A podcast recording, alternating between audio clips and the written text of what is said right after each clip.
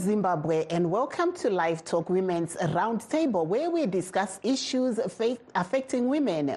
We are coming to you live from Studio 7 at the Voice of America in Washington, and I'm your host, Marvelous Mhlanga Nyahuye.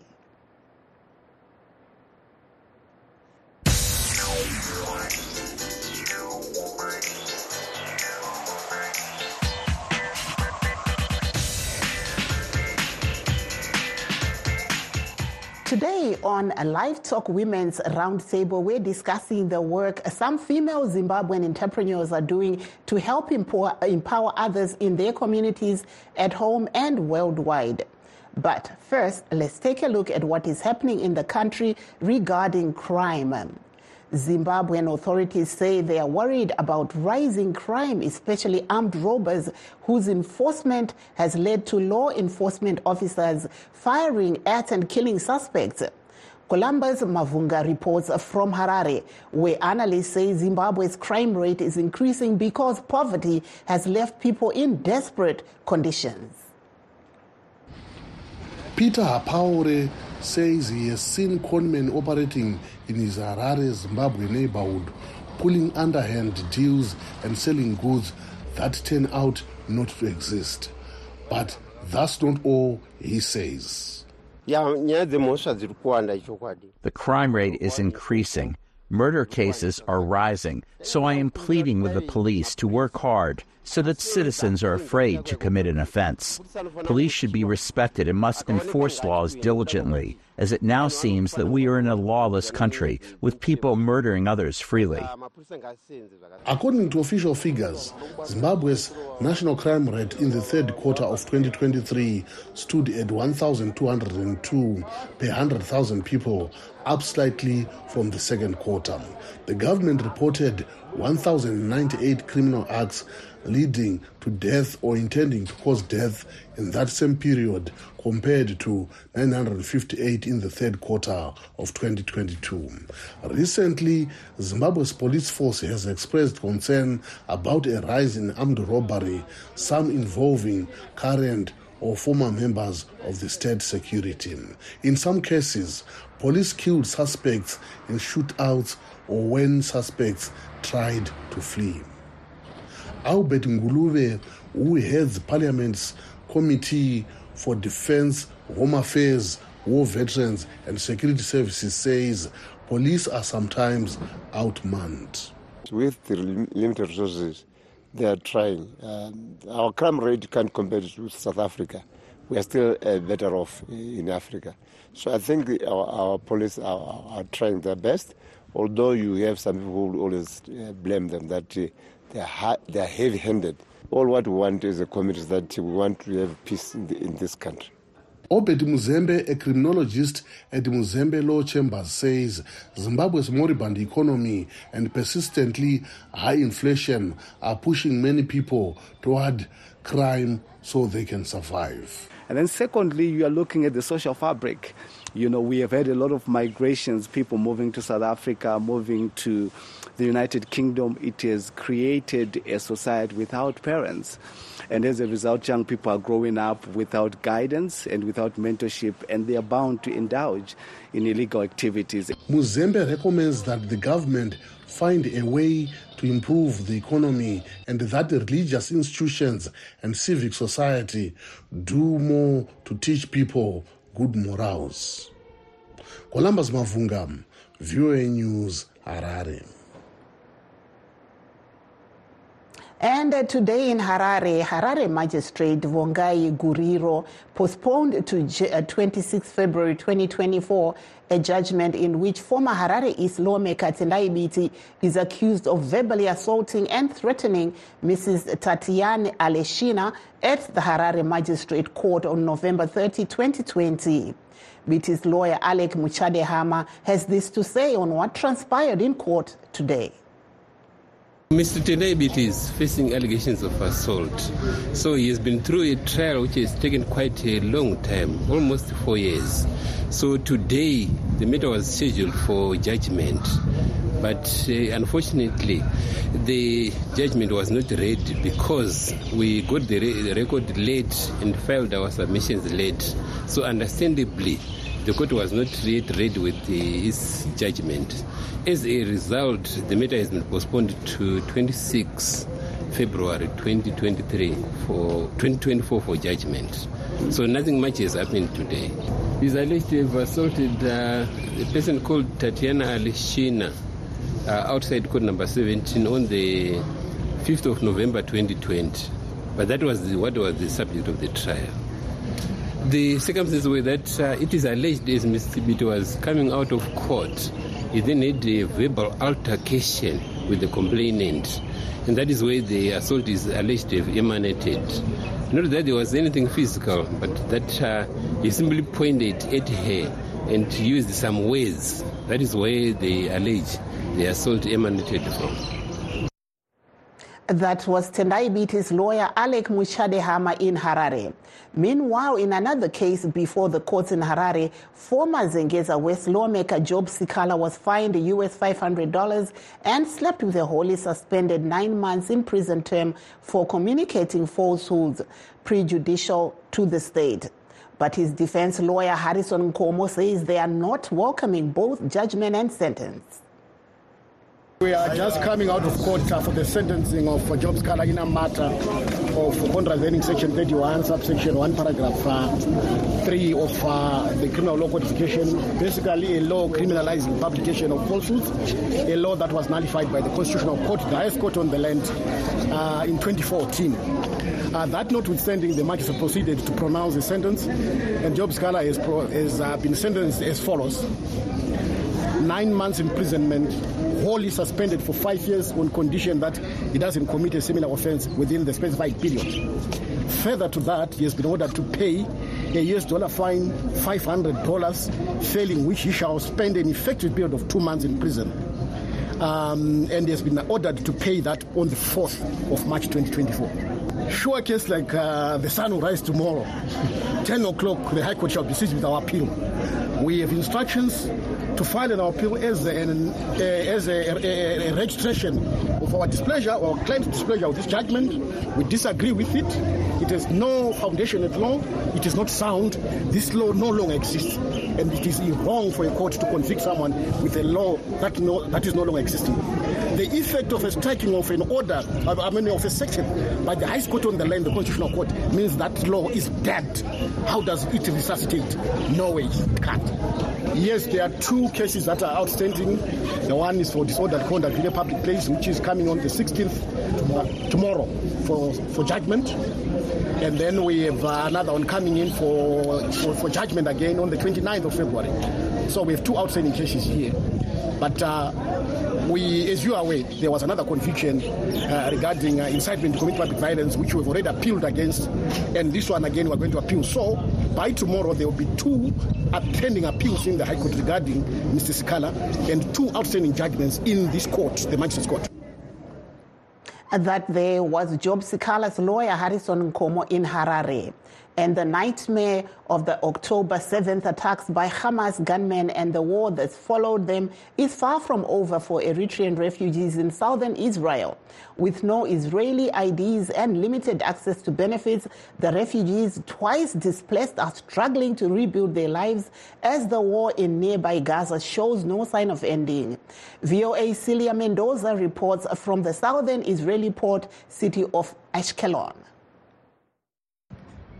Teke Welde Haimanad fled turmoil in his homeland in Eritrea in 2010, only to become displaced yet again last October when his home here in Ashkelon was among those hit by a shower of rockets fired by Palestinian militants in nearby Gaza. I was inside the house. I got hurt here and there, a little bit everywhere. Wilda Haimanat considers himself lucky that his injuries were not serious. His wife and three sons were at a nearby shelter. But he says things have never been the same.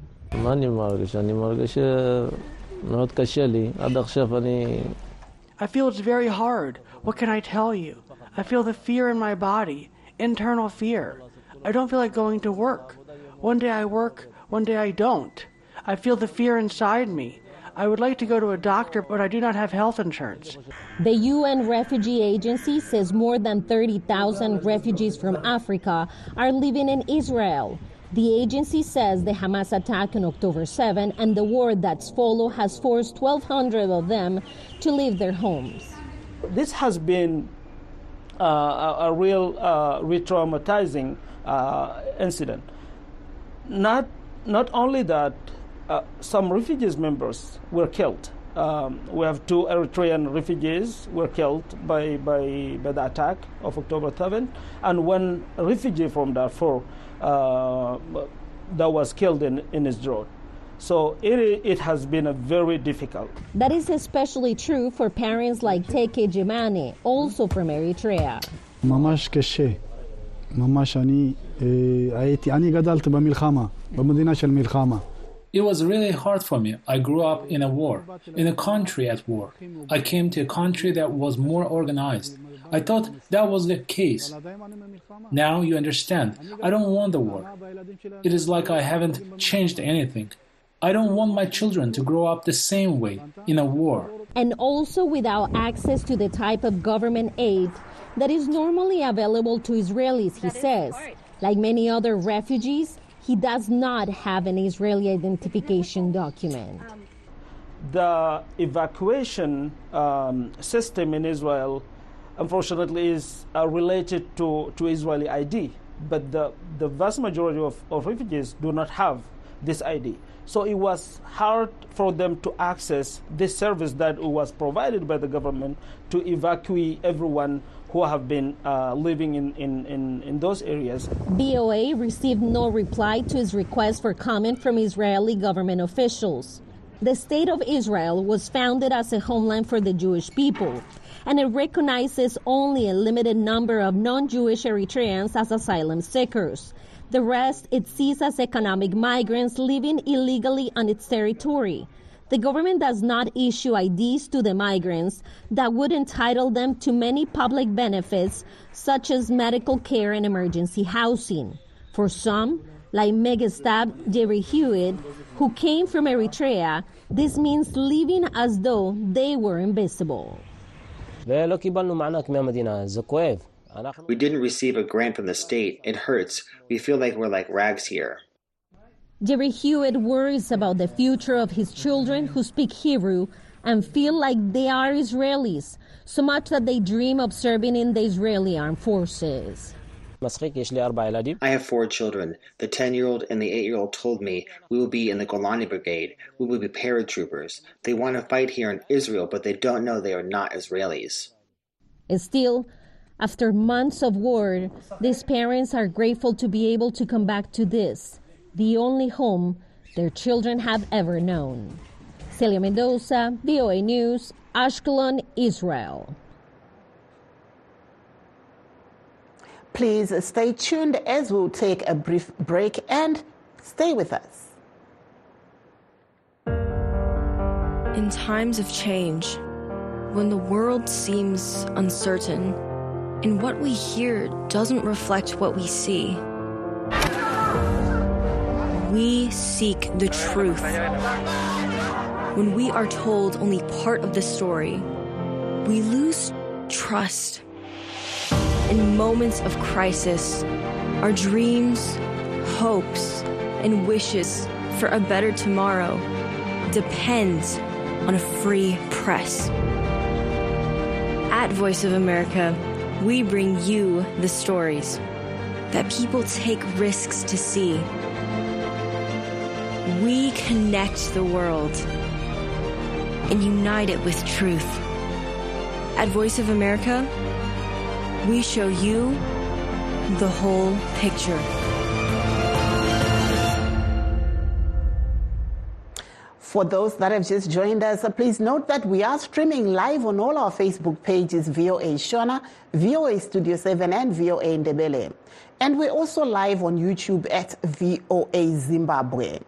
Today we're discussing about some business projects that some Zimbabwean women are embarking on to help empower other women and also improve the communities they live. To discuss this issue, we are joined by Dr. Rebecca Mackay, the Director of Immigrant Women Coalition, Mather Fox, an author and wellness coach, and Evernice Monando of the Female Students Network Trust. Welcome to the program, ladies. Thank you, Marvelous. Hello. Yes, hello. How are you? I'm fine. Thank you. How are you? Good, good, good. Uh, so I'll start off with you, uh, Dr. Rebecca Mackay. We used to speak to you. You were Pastor Mackay, but now you are Dr. Mackay. What changed? Uh, thank you so much, Marvelous, for the opportunity and to all the uh, audience. I am excited. What changed is the desire to do more, to want to learn more so I had to uh, raise it and go back to school until I achieved uh, what I wanted to achieve. Now I'm called Dr. Rebecca Mackay. Mm-hmm. So, is it possible for other women listening out there to just say, "Okay, I'm gonna, you know, put everything away and go back to school"? How important is that for women? I would say it is very, very important for women to consider going back to school because we need uh, education as women, no matter uh, what we are going through. I understand we have a lot of challenges uh, as women. We take care of families. Uh, we have um, a lot of things that we have to do, but it is very important for a woman to be educated, uh, especially in our countries especially here in Africa or wherever you go, you know, women have been part and parcel of a lot of things. But now, without education, we tend to find a lot of uh, hindrances along the way. But going to, school, uh, to school will help us to be empowered to face uh, challenges with knowledge and understanding, to be able to access funding, and to help against discrimination when we stand where other men are and to transform the lives of our children and our society. Thank you there, Dr. Mackay. I now come to you, uh, Evernice Monando of the Female Student Network uh, Trust there in Zimbabwe. How are you today? I'm fine. I'm fine, uh, marvelous. How are you? I'm good. Uh, we, you know, you've heard they were speaking uh, to Dr. Mackay, who's saying it's very important uh, for women, especially, and you yourself are heading a female student network trust. What do you tell the young girls about the importance of staying in school so that they have a better future? Yeah, it's very important. I would want to concur with Dr. Mackay. Why? Because, uh, you know, the generation of today, even the generation of the past, we've been uh, like uh, underprivileged to go to school and to develop ourselves. We had a lot of skills that we had previously, but I think we are lacking the platforms and also the opportunity to unlock those uh, skills and, uh, and abilities that we have. So for female students to stay, to stay in school, it's also a kind of uh, empowerment because you'll be able to do things on yourself and be able to self-depend and also not be vulnerable in terms of uh, the abuses that might happen. Because if someone is, if if if a woman is educated, I think there's a lot that is uh, that is also going to change in terms of transforming lives of other women and also these female students are young women and they are going to become older women and also women are going to be responsible in transforming our communities. So they want to be at par with these men because if they don't acquire the skills, the requisite skills that are, are needed for them to to to to to, to participate in uh, community development and national development, it won't be fair. Mm-hmm. So we are encouraging them that uh, it's important to become educated and to have education as a priority because that's the key to all uh, the obstacles and uh, vulnerabilities that they might be exposed to. So that's why we are encouraging them that you really need to work hard. And if those who are also doing life skills, the, the manual work, they should do it, you know, with the expertise so that they also the job market, even at the moment, mm-hmm. also facing or uh, also demanding such as such skills. Tinoona zvakare kuti sangano renyu raakudyidzana e, nedzimwe nyika musadak e, tiri kuona muri kuita zvirongwa zvakasiyana siyana zvekuedza kuti vasikana nemadzimai vawanikwe vachidyidzana mungatitauriro kuti zvakamira sei panyaya iyoyi? Nyaya iyi yakakosha mavelasi nekuti takaona kuti e, tikangoramba taka tichiita basa remuzimbabwe chete. Nyaya dzedu dzevanasikana kana kuti dzemadzimai echidiki dzakangofanana e, maringe tichitarisa musadhiki munomu madzimwe nyika dzakatikomberedza tinodyidzana ende matambudziko atinosangana nawo akangoda kufanana asi dzaiti dzimwe nyikawo dzinenge dzaapamberi maringe nekudii nekusimudzira vanasikana ivava saka kana tichivasanganisa zve kana kuti tichishanda nawo nedzimwe nyika dziri musadhiki tiri kuitira kuti vana vedu ava vemuno muzimbabwe vezvizvaro zvemuno zimbabwe vadzidzewo kuti dzimwe nyika vanozvifambisa sei. Uyezve tichikopawo kuti kusvi vasvike pavasvika ipapo kana tichitarisa nyaya dzemitemo yemhirizhonga yemadzimai chaivo vakambozvifambisa sei? Vedu ava vangakwanisa seiwo kusimudzirawo kana kuti vatore chikamu munyika ino yeni yezimbabwe kuti ifananewo nedzimwe nyika dziri dziri musadhiki nekuti takaona kuti takangota hanzi chara chimwe hachisi panyinda mavelasi saka takaona kuti takauya takawanda tiri vasikana wemuno musadhiki tichitaura neizwi rimwe chete. Zvinobatsira kuti ivo vatungamiri venyika dzedu vakwanise kunzwa izwi redu ende uyezve zvinovaisa pamhene kuti hatingatadze kuita kuita sedzimwe nyika nekuda kupa mucherechedzo wekuti kana malawi yakakwanisa kucherechedza kuti mhirizhonga inofamba semubumbiro remutemo ko isiwo chii chatingaita sezvizvaro zvemuno muzimbabwe?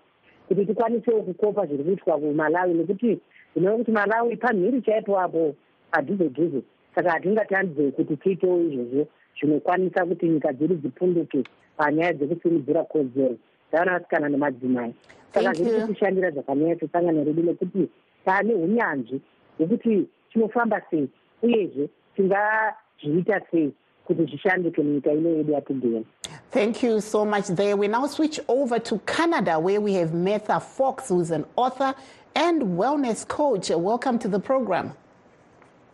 Thank you, Marvelous. Thank you for the invitation. I really appreciate.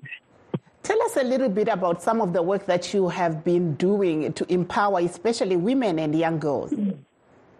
Yes, uh, and that's uh, a topic uh, in my heart. So, the ways I've been empowering women and girls mostly is in the wellness. So, I'm really big on helping women improve their like their mental health, physical health, and their financial health. So, one of the bigger problems I've realized is women mostly who are stuck. Uh, most of these women, their husbands have left them. Some of the uh, women, their husbands are still with them, but they're mistreating them, like they're in a mess. So I provide a tool just to to help them to get out of that situation. And one of the financial wellness I have started, um, I started um, uh, an uh, employment foreign worker in uh, agency. So the goal is to help those women come to Canada so that they can have a fresh start, mm-hmm. be able to raise money to take care of their children. And the other one I'm really uh, passionate that started this whole journey was the physical health. I struggled with fibroids for a long time and I did not know. So I empower women to know about fibroids, my journey, what happened, and how I've overcome that problem. So I do that through my book. Uh, it's called From Pain to Victory, where I share my story and the recipes I've created that can help with that situation. Mm-hmm. tiri ipapo eh, my folks vamwe vangada kuziva mataura imi kuti munobatsira eh, madzimai nyanya vanenge vari kuda kutsvagawo eh, mabasa ikoko kumarimuka kunana canada uko asi mazuva ano tiri kuona kuti pane chitsotsi chakawanda chiri kuitika pane vane kutsvaga mabasa vangazive sei kuti zvamuri kutaura izvi zvinozovabatsira okay so for canada is very very very strict. Kana une employment agency muno mucanada hautori mari yemunhu kuti ndiri kukubatsira.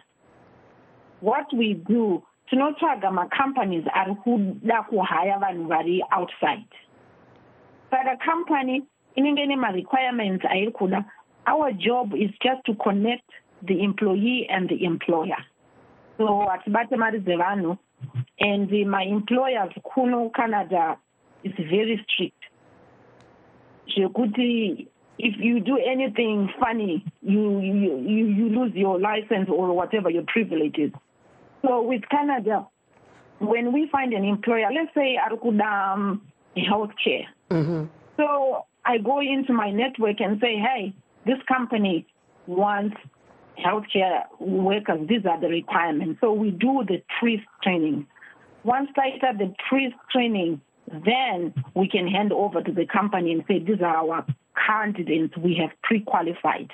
Mm-hmm. So if they meet the requirements, the company running my immigration officers or immigration process inozoitwa isusu it will be out of our hands as an agency we only get paid with the company when they've hired a successful candidate. So mm-hmm. there's no fear of people losing their money. And when they come, it's a solid contract that says this is an offer for employment from this company.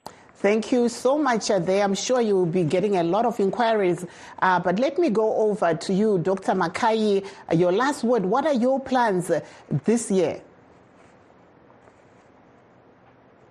Thank you, Marvelous. Uh, this year, our plan is to continue to educate immigrant women who are coming to the United States of America uh, to understand how to navigate the system in the United States of America so that it will benefit them to go back to school, how they can access funding. Uh, we have lawyers who are helping them to process their immigration papers for free. Uh, we have lawyers who can actually help you how to um, bring your family. Uh, these are lawyers that can help you for free. So we are educating women how they can navigate, take advantage of the systems that are in the United States of America mm-hmm. that can help them to be able to help people back home themselves first, and then they can help the other women back home. Thank you. How do people find you? We are found on um, www.immigrantwomencoalition.usa, uh, or you can get hold of me on 651 440 8737, or you can go to our website, uh, Immigrant Women Coalition USA. Thank you very much. Uh, back to you, uh, Ms. Evernice Munondo. Uh, how can people find your organization and your last word?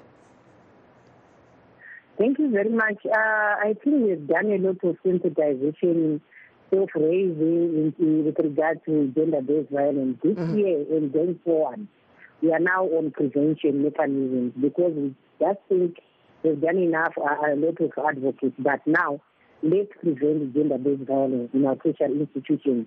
Thank uh, you. These students with, uh, you know, uh, boldness, uh, courage, so that they're able to, to prevent Thank you. Thank you so much.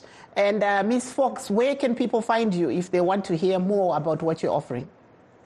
Oh, okay. Uh, so in the meantime, my website uh, under construction, so I cannot give that information yet. But they can find me on Facebook. Uh, send me a messenger, like um, the name will be Meta Fox. So it's M A C H E R, and the last name is Fox. Thank you so, so much, uh, ladies. Uh, it was a pleasure having you, and hopefully, we can have a synergy uh, between uh, you three ladies working together uh, to provide these uh, services to Zimbabwean women. So, we had there Evernice Munando from Zimbabwe. We also had Dr. Rebecca Makai from here in the United States, and Metha Fox from Canada. So, we had a very high powered team here with us.